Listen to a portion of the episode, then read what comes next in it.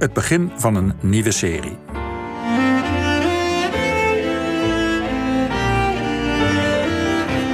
Het spoor terug. De komende zes weken zenden we in het spoor de podcastserie Cassiewijlen uit. Gemaakt door collega Laura Stek en kunstenaar en doodskenner Babs Bakels. Die van jongs af aan mateloos gefascineerd is door de dood. Samen onderzoeken ze in coronatijd onze maatschappelijke omgang met de dood, van de laatste adem tot het hiernamaals.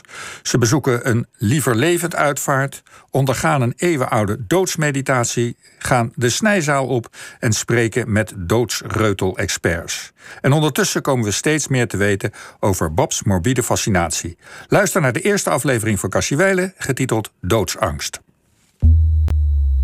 Ik denk dat ik er um iets meer mee gespeeld heb. Dus dat als kind ook heel duidelijk heb opgezocht. Dat ik dan in het raamkozijn ging staan en naar beneden ging kijken en dan denken van oh, als ik nu één stap zet, dan is het gewoon voorbij. Ik heb een behoorlijke doodsangst. En die wil ik bestrijden door hem aan te gaan of die angst toe te laten. Dat opzoeken is mijn manier. Maar iedereen heeft natuurlijk doodsangst. Dat sluimert op de achtergrond. Een soort achtergrondmuziek. Alleen de een heeft de muziek harder staan dan de ander. En bij mij staat die keihard aan. Ja, overdovend. C'est un jour pour mourir. Dans tes yeux noirs.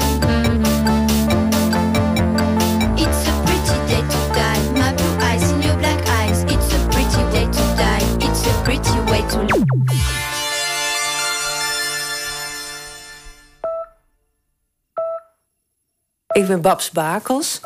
Ik ben sterfelijk. En ik ben Laura Stek. Meer het type doodsontkenner. En samen maken we... Cassie Weilen. Een podcast over de dood. Mensen zijn er heel erg bang voor. Maar je weet eigenlijk helemaal niet of het wel eng is. Over ontkenning, vervreemding en de harde confrontatie. Ik wilde heel dichtbij komen. En dat heb ik dus gedaan door dingen op te zoeken. We gaan allemaal dood. Dat is het enige wat eerlijk is. Aan het eind van de rit. Kassiewijlen. Wil je weten hoe het zit? Aan het eind van de rit. Kassiewijlen. Die angst zoekt altijd een weg naar buiten. En deze negeren we eigenlijk massaal. Dus ja, we moeten gewoon op zoek naar die angst. In onszelf. Aflevering 1 doodsangst. Laten we beginnen in 2014, bij mijn eerste ontmoeting met Babs Bakels, kunstenaar, curator en een van de allround-kenners op het gebied van de dood.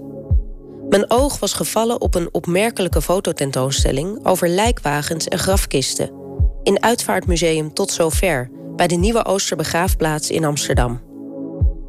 Babs, knap gezicht, kort donker haar in een strakke zwarte outfit met witte gimpen, had aan de wieg gestaan van dat museum en was daar curator.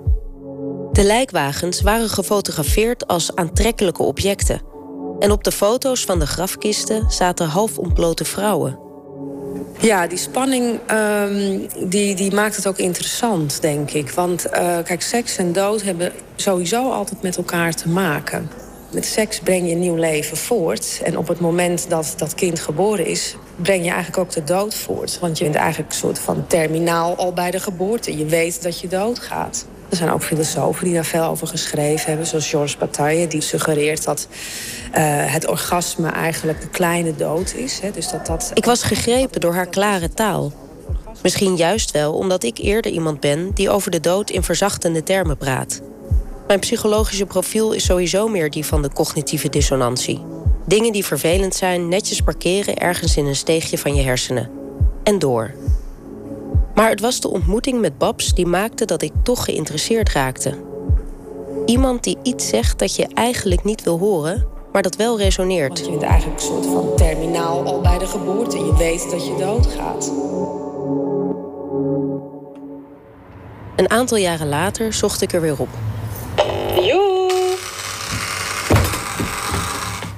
Inmiddels werkte ze als zelfstandig kunstenaar en funerair specialist. Ze woont in een klein bovenhuis in de Amsterdamse Baarsjes. Nou, hier zie je mijn kat.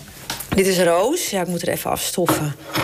Roos prijkt als kleedje op het dressoir, omdat Babs haar vacht graag wilde bewaren. Het huis is gezellig gevuld met vintage meubels, stapels LP's, een boekenkast vol doodstitels en, als je goed kijkt, vreemdsoortige kunstwerkjes. Django Reinhardt heb ik hier. Dan in eekhoornversie. Die speelt dan gitaar. En dan zit er een trompetist bij. Een marmot die harp speelt. Een egel op synthesizer.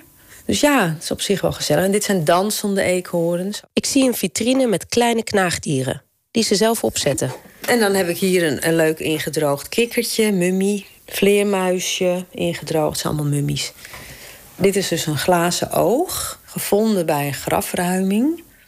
Bijna alles in Babs huis relateert aan de dood. Oké, nou gaan we lekker plaatjes doen. Maar er is ook joie de vivre. Dat komt bijvoorbeeld uit een portable platenspelertje uit de jaren 70.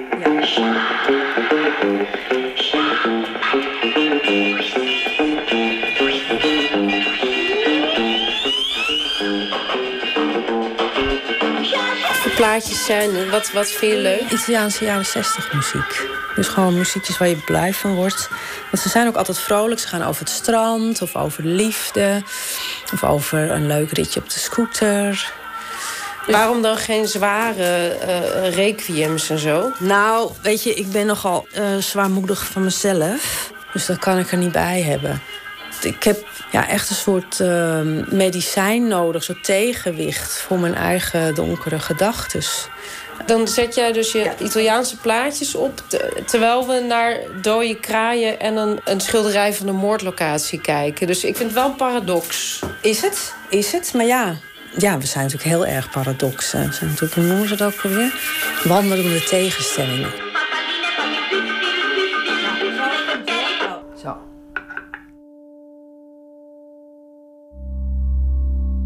Babs was gefascineerd door de dood en ik was gefascineerd door wandelende tegenstelling Babs, wier blik net iets langer in de afgrond blijft hangen dan de mijne. En dus zouden we samen op zoek gaan naar onze maatschappelijke omgang met de dood.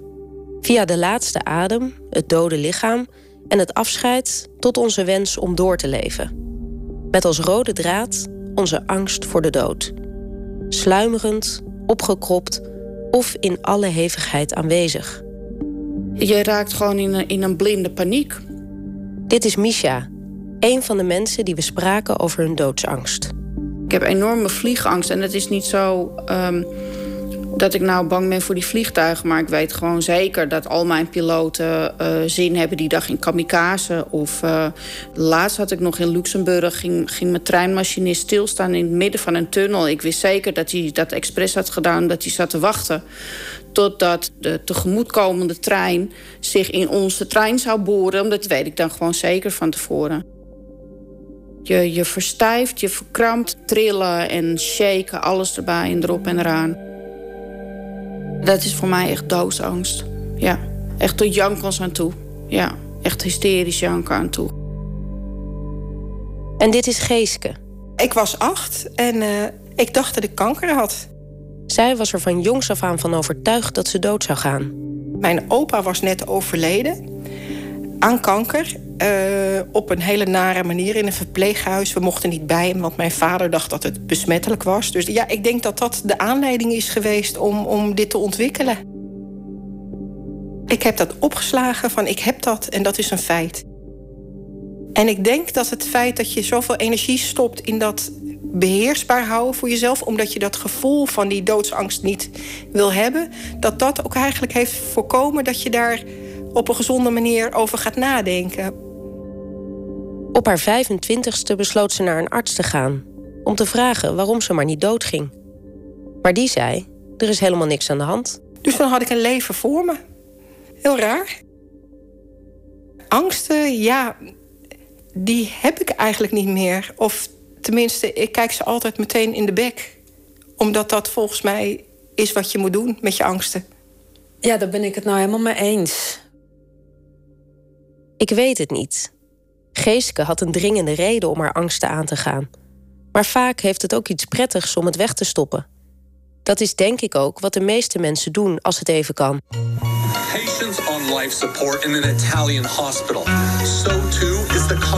Maar toen brak maart 2020 aan. De dood was ineens overal. En we werden gedwongen ons ertoe te verhouden. Uh, hoeveel doden gaat dit uiteindelijk opleveren? Uh, misschien wel uitgaan van 40 tot 80.000 doden. Ja, ja dat zijn aantallen. Vanaf de eerste grote corona-uitbraak kwam de dood opeens iedere dag voorbij in grafieken, tabellen en prognoses. De dodelijke updates kwamen ongevraagd onze nieuwsalerts binnen. Er werd gesproken over de dreiging van code zwart.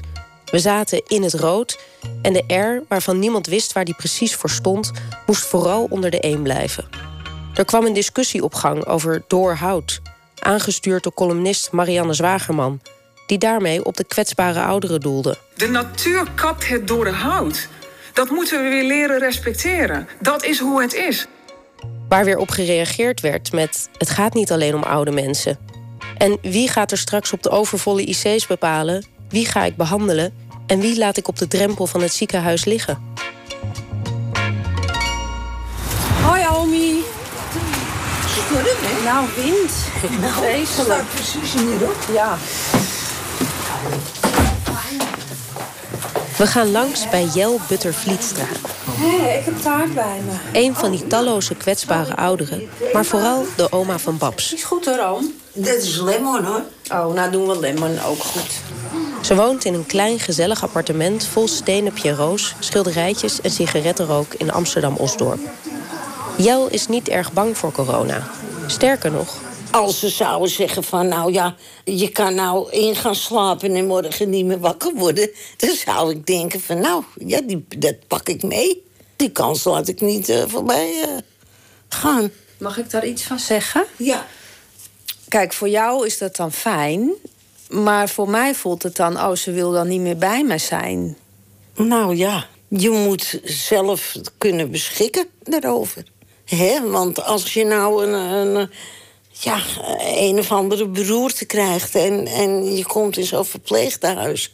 Nou, als je dan die mensen ziet zitten, nou, dat is toch in en in zielig. Nou, ik vind dat een heel moeilijk. eh, Pap zegt dat je moet uitstellen. Nou, dat is. Nou, tegen jou ja, zeg ik dat. Ja, ja. omdat jij de hele tijd zoiets hebt van... nou, eh, eh, als ik mijn stoma niet meer kan doen, eh, dan, voep, dan wil ik eruit. Ja, zo simpel ligt het toch niet. Ja, oké, ik begrijp het wel, maar... het wordt al snel duidelijk dat wat betreft de dood hier de grote zwakke plek van Babs ligt. Ik vergelijk het soms wel, dat gelukzalige gevoel wat je dan kan hebben... als je het hoofd van je paashaas afbijt en dan erin ruikt, weet je wel. Dat geluk, Dat is jouw oma. dat is mijn oma. Ja, waar je eeuwig in wil blijven hangen eigenlijk. Mijn oma werd op de 37ste al oma. Dus ja, iemand van 37 is natuurlijk ook gewoon een moeder. Ja, ze was er gewoon altijd. En ze had ook een soort moreel kompas... wat mijn ouders niet hadden. Omdat die zo vreselijk jong eh, ouder werden. Dus mijn oma was eigenlijk... eh, ja, echt een materfamilie. Als maar ook echt... ook een hele krachtige vrouw. Maar je vindt het dan ehm, niet moeilijk om afscheid van het leven te nemen? Of van ons? Jawel, van jullie wel, maar niet van het leven. Als je 88 bent, ik bedoel, wat, wat verwacht je dan nog? Dan krijg je toch alleen nog maar rottigheid? Kijk, eh, je moet toch een keer. Ja. Je hebt niet het eeuwige leven. Toch?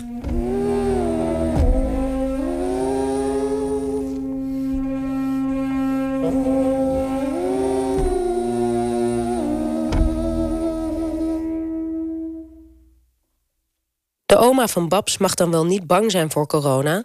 De eerste berichten over die totaal onbekende epidemie, die al snel een pandemie werd, waren wel degelijk angstaanjagend. Nu zijn we er eigenlijk gewoon aan gewend, wat misschien ook wel schokkend is of zo. Eh, maar als je terugdenkt aan de eerste lockdown, dan was het echt wel heel heftig. Ja. Nou, het voelde wel een beetje alsof we in Tower Inferno zaten. Ken je die film? The Towering Inferno. It's out of control. Coming your way. Het is een film over een brandende toren. Nou ja, dat gaat eigenlijk alleen maar over mensen die proberen te ontsnappen en uh, wordt het vuur gedoofd. En zo voelde het een beetje van, oh, ja, gewoon wel paniek had ik. Van hoe ga ik zorgen dat oma blijft leven, dat mijn vader en mijn moeder blijven leven. Ik weet nog het moment dat ik een appje kreeg dat uh, mijn broer zei, uh, die zat in Rome. En Italië liep ongeveer uh, een week tot twee weken voor op ons. Dus die zei: Wat doe je in godsnaam nog op je werk? Ga nu naar huis. Het is hier helemaal mis. Dat was zo'n soort van clash van, van mijn werkelijkheid met zijn werkelijkheid. En een week later zaten we er ook in. Wat doet die acute confrontatie met een dodelijk virus met de maatschappij? Dat moet haast wel effect hebben, toch? Hi. Even kijken hoe ik dit ga doen. Ja, ik doe mensen, drie mensen in één scherm. We spreken af met hoogleraar taal en communicatie Annie Das, die onderzoek doet naar onze doodsangst. Het interview is coronaproof via Zoom. Ik hoor jullie prima. Ja, hoor je mij ook? Ja. Annie is een vrouw die ik zou omschrijven als casual chic. Los haar, luchtige blouse en onderzoekende ogen. Het is vrij uitzonderlijk dat de dood weer wat dichterbij is gekomen, als het ware. Hè? Want we, we, ja, we zijn zo welvarend. We hebben het zo goed eigenlijk. De, uh, er wordt zo goed voor ons gezorgd. Er, is er zijn zo weinig risico's. We hebben een hele veilige samenleving. En uh, met de komst van corona uh, was er ineens weer de mogelijkheid dat je ja, aan iets onverwachts zou kunnen komen te overlijden. En dat is, dat is wel een, beetje een shock to the system. Want we dachten eigenlijk toch stiekem een beetje dat we onoverwinnelijk zijn. Bijna alsof je hè, dat, dat aspect van de natuur had overwonnen. Een shock to the system, zegt Annie. Je kon je ouders of opa en oma opeens een dodelijke omhelzing geven. En iets banaals als boodschappen doen werd een uitje met mogelijk fatale gevolgen. Onze maatschappij was helemaal niet ingericht op zo'n schok. Dat werd ook duidelijk in het vocabulaire. Alsof we geen referenties meer hadden, haalden we er massaal oorlogsretoriek bij. Frontberichten, helden uit de zorg, oorlog tegen een onzichtbare vijand. We vechten, zoals veel mensen zeggen, nu tegen een onzichtbare vijand. Onze maatschappij kwam piepend en knarsend tot stilstand. Handen wassen, afstand houden, mondkapje op, afstand houden. Een schok in het systeem. Maar heeft de pandemie onze interne doodsangst ook echt vergroot? Ik vraag me af waar we nou bang voor zijn. Zijn we nou bang dat het systeem instort? Of zijn we echt bang voor dat, dat er zoveel mensen doodgaan? En ik, en ik heb zelf de indruk dat het het eerste is. En dan heb ik het niet over artsen die daar enorm hard zitten werken en die maar al te goed weten wat de realiteit is van, uh, van het virus. Maar voor de meeste Nederlanders denk ik dat, dat het een heel abstracte dreiging blijft die uh, vertaald is in cijfertjes en waarvan je denkt van ja, zolang we niet de lijkenkisten buiten moeten opstapelen op het plein, ja, hoeven wij eigenlijk niet te voelen hoe, hoe erg het is. This is live from Brooklyn, New York. Brooklyn Hospital. They're putting bodies in, in the back of a freezer truck, ja. In de VS in Brazilië moesten ze massagraven maken. Omdat ze de lijken gewoon niet meer kwijt konden in koelcellen. Now that you can smell it, it's bad. It's really bad. This is for real, ja. En in India sterven de mensen op straat, hè, wachtend uh, voor, voor het ziekenhuis. We have seen pictures of bodies outside the biggest government-run hospital in the city of Raipur. And Dat heb je hier niet gezien. Alles werd in werking gezet om de dood op afstand te houden. Breder gezien past dat in een proces dat al veel langer gaande is dat uitschakelen van die dood uit het publieke leven is natuurlijk iets waar we al eeuwenlang aan werken. Dat gaat stapsgewijs. Maar we zien het ook als een teken van beschaving eigenlijk. Absoluut. He, die, die, die lijken doen ons denken ja, aan de middeleeuwen, aan de tijd dat je aan een griepje uh, de moord stak. Wie alles weet van die ontwikkeling is pater Jezuïet Peter van Daal kunsthistoricus en Babs universitaire leermeester. Nou, hij is medievist, maar hij weet echt wel over alle periodes veel hoor, over de dood. Ja, hij heeft eigenlijk zijn fascinatie een beetje op mij overgebracht. Of een beetje ontvriekt eigenlijk. ja, hallo. Yo, kom binnen. Van Daal woont met twee andere paters in een oude parochiewoning in Amsterdam-Zuid. Met houten lambrisering, een groot middeleeuws Christusbeeld boven de haard... boeken, heel veel boeken... en een grote pendule die luidruchtig het verglijden van de tijd aangeeft. Babs en Van Daal zijn elkaar altijd blijven zien. Hij bewaart artikelen voor haar, omdat hij weet wat ze leuk vindt. Het gaat over die rare opgezette mensen. Nee, Dan heb ik hier nog een uh, overdrukje van een artikel wat ik ooit heb geschreven. Over wormen en padden en lijken en zo. Nou, ik word, leuk? weer, ik word weer in de Daar watten gelegd. van. Neem maar mee. Ja, wat geweldig. Kijk, dat is Ja. altijd. Als ik kom, krijg ik altijd cadeautjes. ja. Van Daal was Babs begeleider bij kunstgeschiedenis. Toen ze de scriptie Het dode lichaam als kunstenaarsmateriaal schreef. Nou, het onderwerp wat Babs was, was heel merkwaardig. Hoe maak je kunstvoorwerpen van gemalen beenderen en, en ik weet al niet wat... en verf gemaakt van, van beenderen en dat soort dingen. Dat is natuurlijk heel merkwaardig. Hè? Dat doet niet iedere student. En eh, ja, dat, dat, ik vond het heel creatief.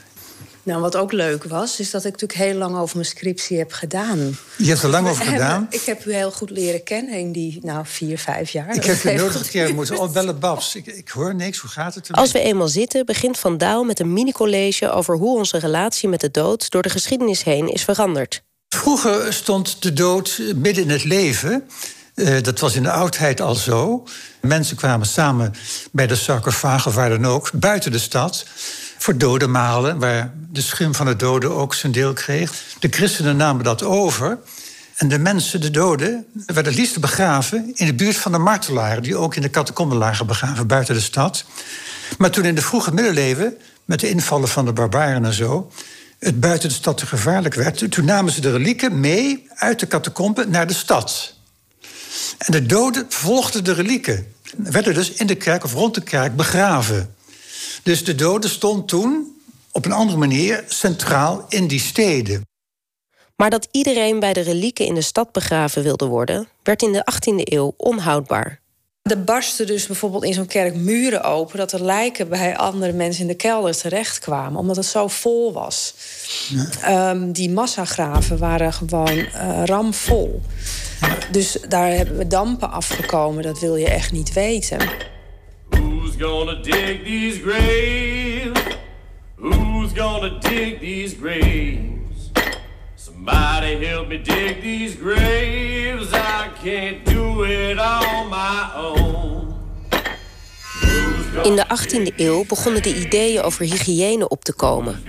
De doden zouden verderfelijke stoffen verspreiden die ongezond waren. De medische wetenschap begon de dood als besmettelijk en verderfelijk te zien. Daarom worden er begraafplaatsen aangelegd buiten de stad. Omdat niemand zo eenzaam ver van de kerk buiten de stad wilde liggen, gaven artsen en denkers het goede voorbeeld. Die verlichte wetenschappers gingen natuurlijk dat als een nobele daad omschrijven. Van ik ga eh, mijn medemens eh, niet vervuilen met mijn lijkvocht. Ik citeer nou, zoals leuk, een grafschrift uit Tiel uit de 18e eeuw. Ai, lezer, sla dit voorbeeld gade. Zijt levend en waar mensenvriend. En doe ook na uw dood geen schade. Zie je? Een rottend lijk, dat is schadelijk voor de overlevende. Dollars in a golden tray. You know that somebody has to pay. Daarnaast vond er niet alleen een fysieke, maar ook een geestelijke verschuiving plaats. De middeleeuwse mens had altijd met de dood voor ogen geleefd. Maar hoe leefden mensen daarmee dan, als ze steeds eh, geconfronteerd werden met die dood? Dat was natuurlijk niet leuk, dat vonden ze niet leuk. Maar, maar goed, dat, dat waren ze een be- beetje gewend. Hè? En eh, in de middeleeuwen ja, geloofde men in God en in de hemel. Dus naast je dood ging, dan ging je naar een beter oord. Als je tenminste goed leefde. Hè? Alleen met de Franse revolutie, Voltaire en zo... dat hiernamaals geloof, dat verdwijnt dan. Hè? Het proces dat de dood steeds verder van ons af kwam te staan, zette zich voort in de 20e eeuw. Door de opkomende uitvaartindustrie, waardoor het zorgen voor de doden werd uitbesteed, door de crematies, waardoor er veel minder gedenkstenen kwamen, en door de ontkerkelijking, waardoor veel rituelen zijn weggevallen. Voor de dood is weinig plek meer in ons publieke leven. 14 euro, 14 euro. Wie biedt 14 euro? Wie biedt hoger 14 euro? 14 euro, 14 euro. 14, Omdat de dood zo onzichtbaar is geworden, is het Babs missie om hem weer dichterbij te brengen. Dat doet ze het liefst op een atypische manier. Voor de corona-epidemie alles stillegde, organiseerde ze een veiling in Club Sexyland in Amsterdam-Noord. Wie wint hoger dan 25 euro voor deze zakelijke Nederlandse kist? Eenmaal, andermaal 25 euro, eenmaal, andermaal verkocht! De tentoonstellingsfoto's van de grafkisten, die eerder te zien waren in Museum Tot Zover, gingen onder de hamer. De veilingmeester was verkleed als uitvaartondernemer, er was een grafbingo en er werden uitvaartklassiekers gedraaid. Ik tref een bond gezelschap van oude Amsterdammers en jonge hipsters met tandversiering. Dit is Laura. Hallo Laura. Hallo. Hoi. Babs stelt me voor aan een vrouw met een mooi gestileerde haartoef, blauwe make-up en een tijgerprinten jasje. Ik ben Sien Sommers. Ik ben de moeder van Babs. Ja, Fred. Ja. Ik was wel heel benieuwd. Wanneer uh, uh, kwam die eerste fascinatie voor de dood bij Babs naar voren? Toen ze heel klein was. Eigenlijk al, al heel vroeg zat het erin. Ja, ja. En da dacht je dan, dit is een beetje gek? Of vond je het meteen wel prima? Nee, eerst heb je zoiets van, hè, uh, hè voor een meisje... Uh, ja, maar ze had ook altijd vreemd speelgoed en ook en zo. Dus met doodskistjes en dode dieren. Anderen vonden er altijd, ja, wel een beetje vreemd. Maar ze stak wel de anderen aan, want die, die gingen dan ook meedoen. Nou, Babs is een speciaaltje, ja. Als je nou, als je nou doodgaat, dan kom je in zo'n kist. Zijn er meer gelovige mensen, of niet? Zijn er mensen die ergens in geloven? Misschien in jezelf? Ja, daar hebben we een heleboel van. De middag wordt besloten met een optreden van volkszanger Norman Gooyer. Een vriend van moeder Sien. Het is niet moeilijk, hè, deze komt hier. Waarheen leidt de weg die wij moeten gaan? Bab staat aan de bar. Zelf legt ze haar doodsinteresse als volgt uit. Die fascinatie uh, is eigenlijk gewoon heel voorzichtig willen oefenen en willen aftasten waar die echte angst zit. Want ergens uh, weet je dat of voel je dat gewoon. Ik fantaseer ook heel vaak over hoe ik dood zal gaan. En dat vind ik dus heel erg heftig. Dat ik echt ongekend opzie tegen dat moment. Dat is dus weer die paradox van dat opzoeken, maar er, er ook bang voor zijn. Ja, dat is ook heel raar. Weet je, het is een vriend, of een soort vriend en vijand tegelijk of zo. Dus hij is heel bepalend voor je identiteit, omdat die tijdsdruk maakt dat je allerlei keuzes maakt en dus eigenlijk ja, jezelf wordt. En het is ook een vriend, stel dat je het leven niet meer ziet zitten, dat je er in ieder geval uit kan. Ja, je hebt altijd uh, die achterdeur. Later zou ik erachter komen hoe de donkere kant van Bab zich manifesteert. En hoe die vreemde obsessie met de dood was begonnen. Door een traumatische gebeurtenis in haar vroege jeugd. Ik kan er niet echt meer bewust naartoe. Het is echt alleen maar een soort droombeeld eigenlijk.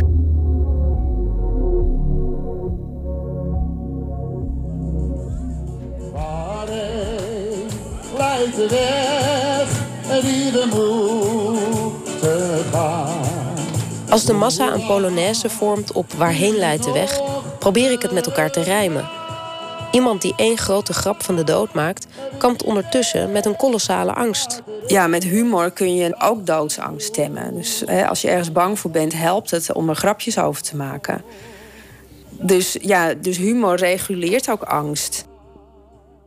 Ik denk dat dit wel een vorm van terrormanagement is, ja. Terrormanagement. Ik heb er nog nooit van gehoord, maar volgens Babs is het een uitstekend handvat om grip op die doodsangst te krijgen. Ze las er tijdens haar studie voor het eerst over. Ik had voor mijn scriptie het boek van Ernest Becker gelezen. The Denial of Death heet dat, uit 1973. En hij, hij schreef dus over dat um, alles wat we maken en doen en bouwen... dat het eigenlijk allemaal gedreven is door onze doodsangst. Was het een soort moment van, toen Nee. je dat las... Ik dacht echt, wat een onzin. Maar toen ze er meer over las, raakte ze overtuigder. ja, toen begon het wel door te dringen. Ja, ik dacht, dus ons gedrag wordt echt in hoge mate bepaald door die doodsangst. Op basis van Beckers boek, dat in 1974 de Pulitzer Prize won, munten drie Amerikaanse psychologen de zogenaamde terror management theorie. Het is best complex, maar dit is de essentie. Zoals elk dier heeft de mens een instinctieve drang om te leven.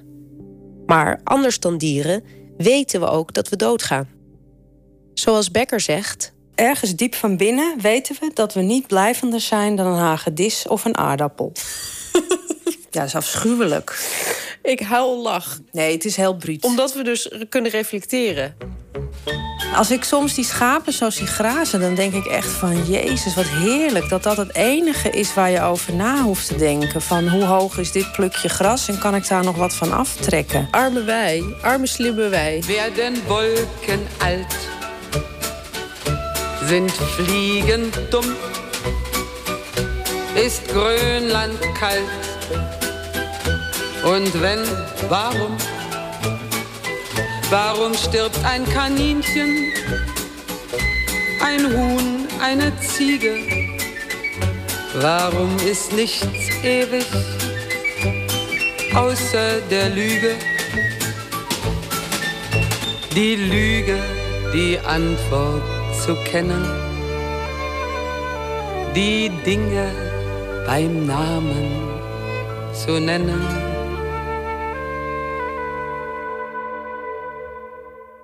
Die kennis dat we sterfelijk zijn, zorgt volgens de theorie voor een verlammende existentiële doodsangst. Dus eigenlijk de enige manier waarop, je daarmee om kunt gaan, zegt de theorie, is door die gedachten te onderdrukken. Dat zegt de eerder genoemde Annie Das. Zij is een van de terrormanagement-experts in Nederland en deed uitgebreid onderzoek op basis van de theorie. Dus als die opkomt, je wordt ergens herinnerd aan je sterfelijkheid, je loopt langs een kerkhof of je ziet uh, geweld op televisie, ik noem maar even wat. Dan gaan wij alles in stelling zetten om uh, gedachten aan onze eigen sterfelijkheid te onderdrukken. Ik zou zeggen, ik heb geen doodsangst. Ik heb wel soms een droom over dat mijn tanden uitvallen. Dat is een terugkerende droom.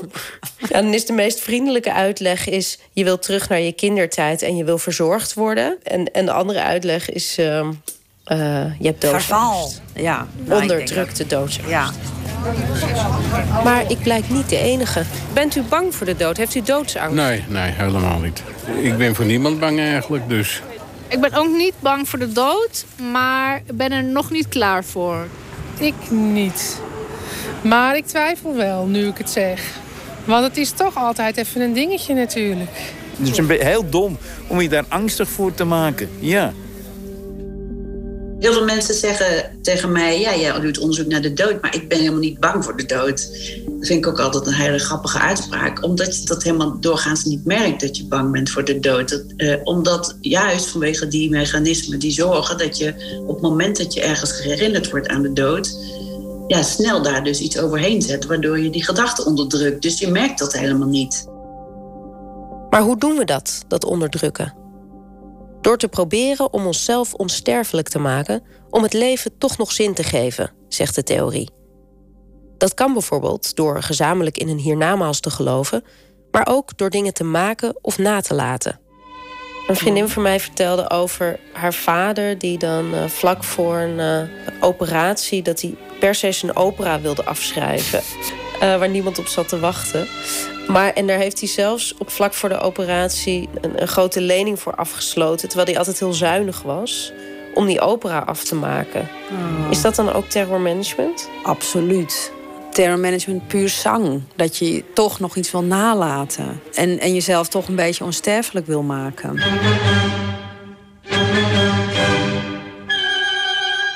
Maar we werken niet alleen op individueel niveau aan die onsterfelijkheid. Het gebeurt ook collectief. Ja, dat doen we onbewust. En daar ontstaat die cultuur uit. Dus uh, de Notre Dame is ontstaan uit doodsangst. Namelijk een hele mooie kerk oprichten. Uh, uit naam van God. En dat kan evengoed een wolkenkrabber zijn. Of een megalomaan monument. Ja, je zou kunnen zeggen, we hebben cultuur bedacht om onze doodsangst uh, weg te kunnen poetsen. Maar er komt nog een niveau bij. Een mentaal niveau. Want terrormanagementonderzoek toont ook aan dat mensen die geconfronteerd worden met de dood hun culturele wereldbeeld sterker gaan verdedigen.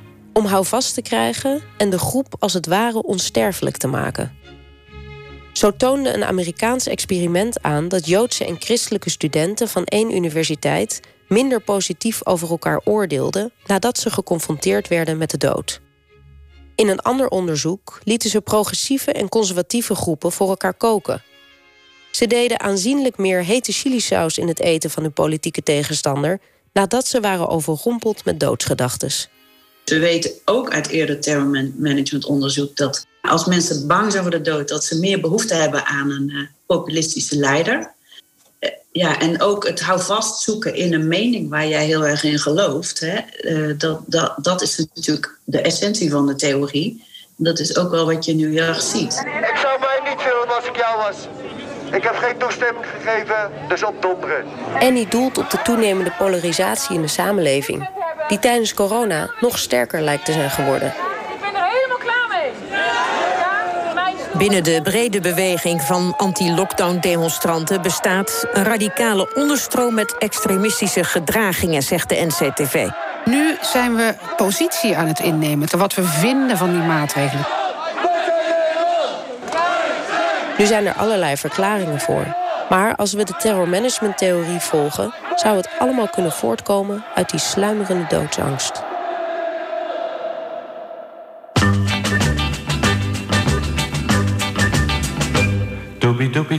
Maar onze omgang met angsten heeft ook nog een veel banalere uitingsvorm.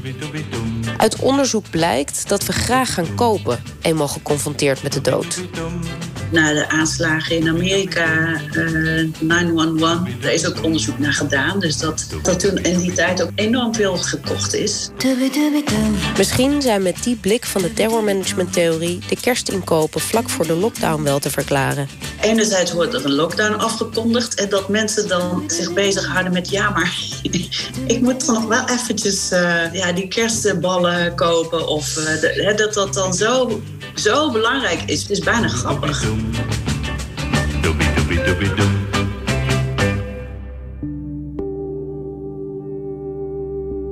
Ik begin nu wel te begrijpen waarom het interessant is om meer grip te krijgen op onze doodsangst.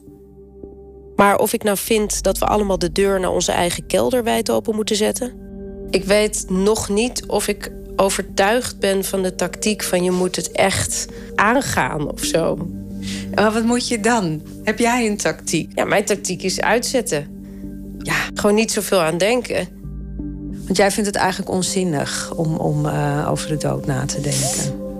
Nou, ik weet niet of ik het onzinnig vind, want uh, anders zouden we deze serie ook niet maken. Maar um, ik denk wel dat het een functie heeft om, het, om je niet daar de hele dag bewust van te zijn.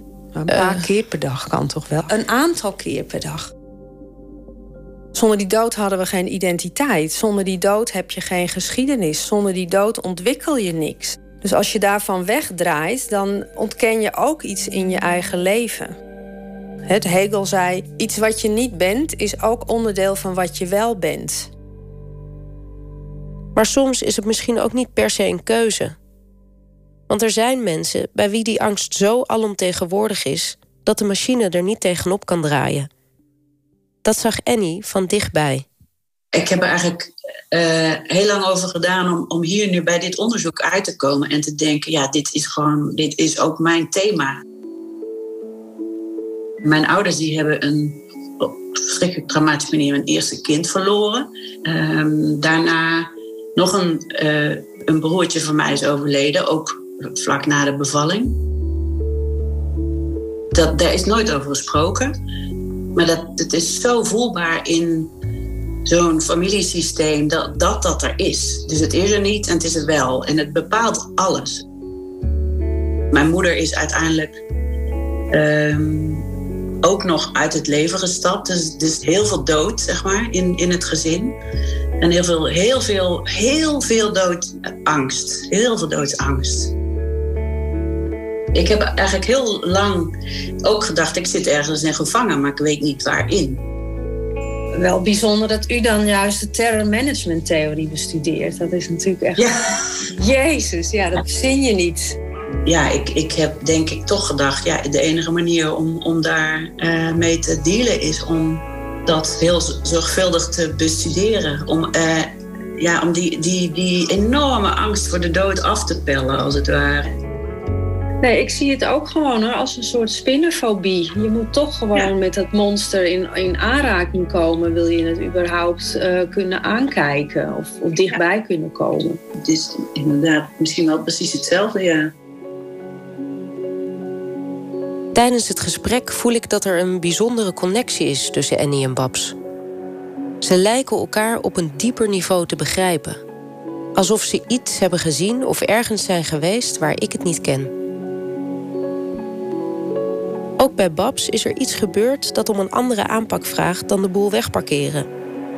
Haar doodsfascinatie heeft alles te maken met een gebeurtenis uit haar jeugd. Nu zitten we massaal in aaneengeschakelde lockdowns. Maar als iemand weet hoe het is om in quarantaine te zitten, dan is zij het wel. Hoe, hoe heb jij die coronaperiode ervaren vanuit, vanuit jouw perspectief? Het voelt voor mij heel natuurlijk, eerlijk gezegd. Het begon allemaal met die ene allesbepalende ervaring, waar ze zelf haar interesse voor de dood mee verklaart.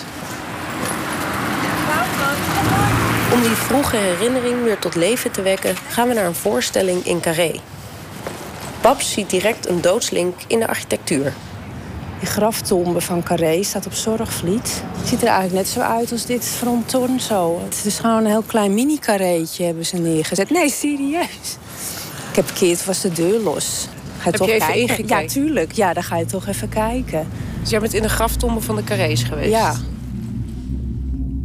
We gaan naar Blindness. Ik heb haar niet verteld wat het stuk precies inhoudt. Het is een audiovoorstelling gebaseerd op de roman Stad der Blinden van José Saramago. Ik ga dus nu naar binnen. Ja. Door de draaideur. Oh. Het stuk gaat zeer toepasselijk over een pandemie. Een stad wordt getroffen door een geheimzinnige en zeer besmettelijke oogziekte. In een mum van tijd wordt iedereen blind.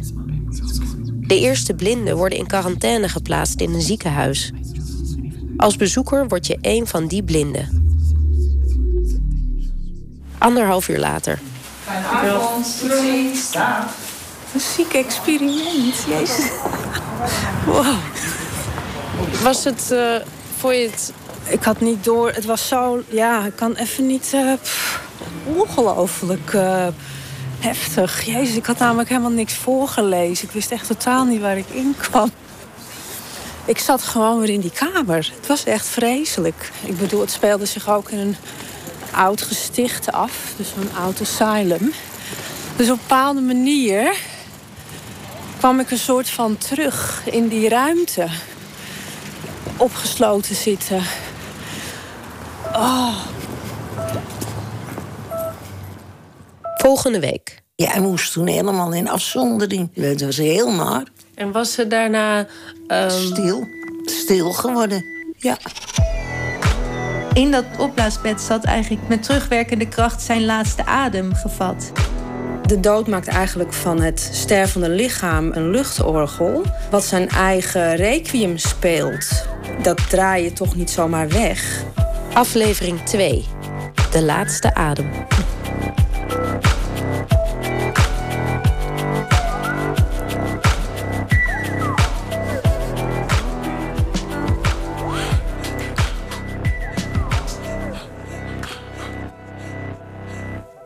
Ja, dit was dus de eerste afdeling, uh, aflevering van Cassie Weilen. Een zesdelige serie over de dood, gemaakt door Babs Bakels en Laura Stek... onder leiding van creatief producent Eefje Blankenvoort van Prospector.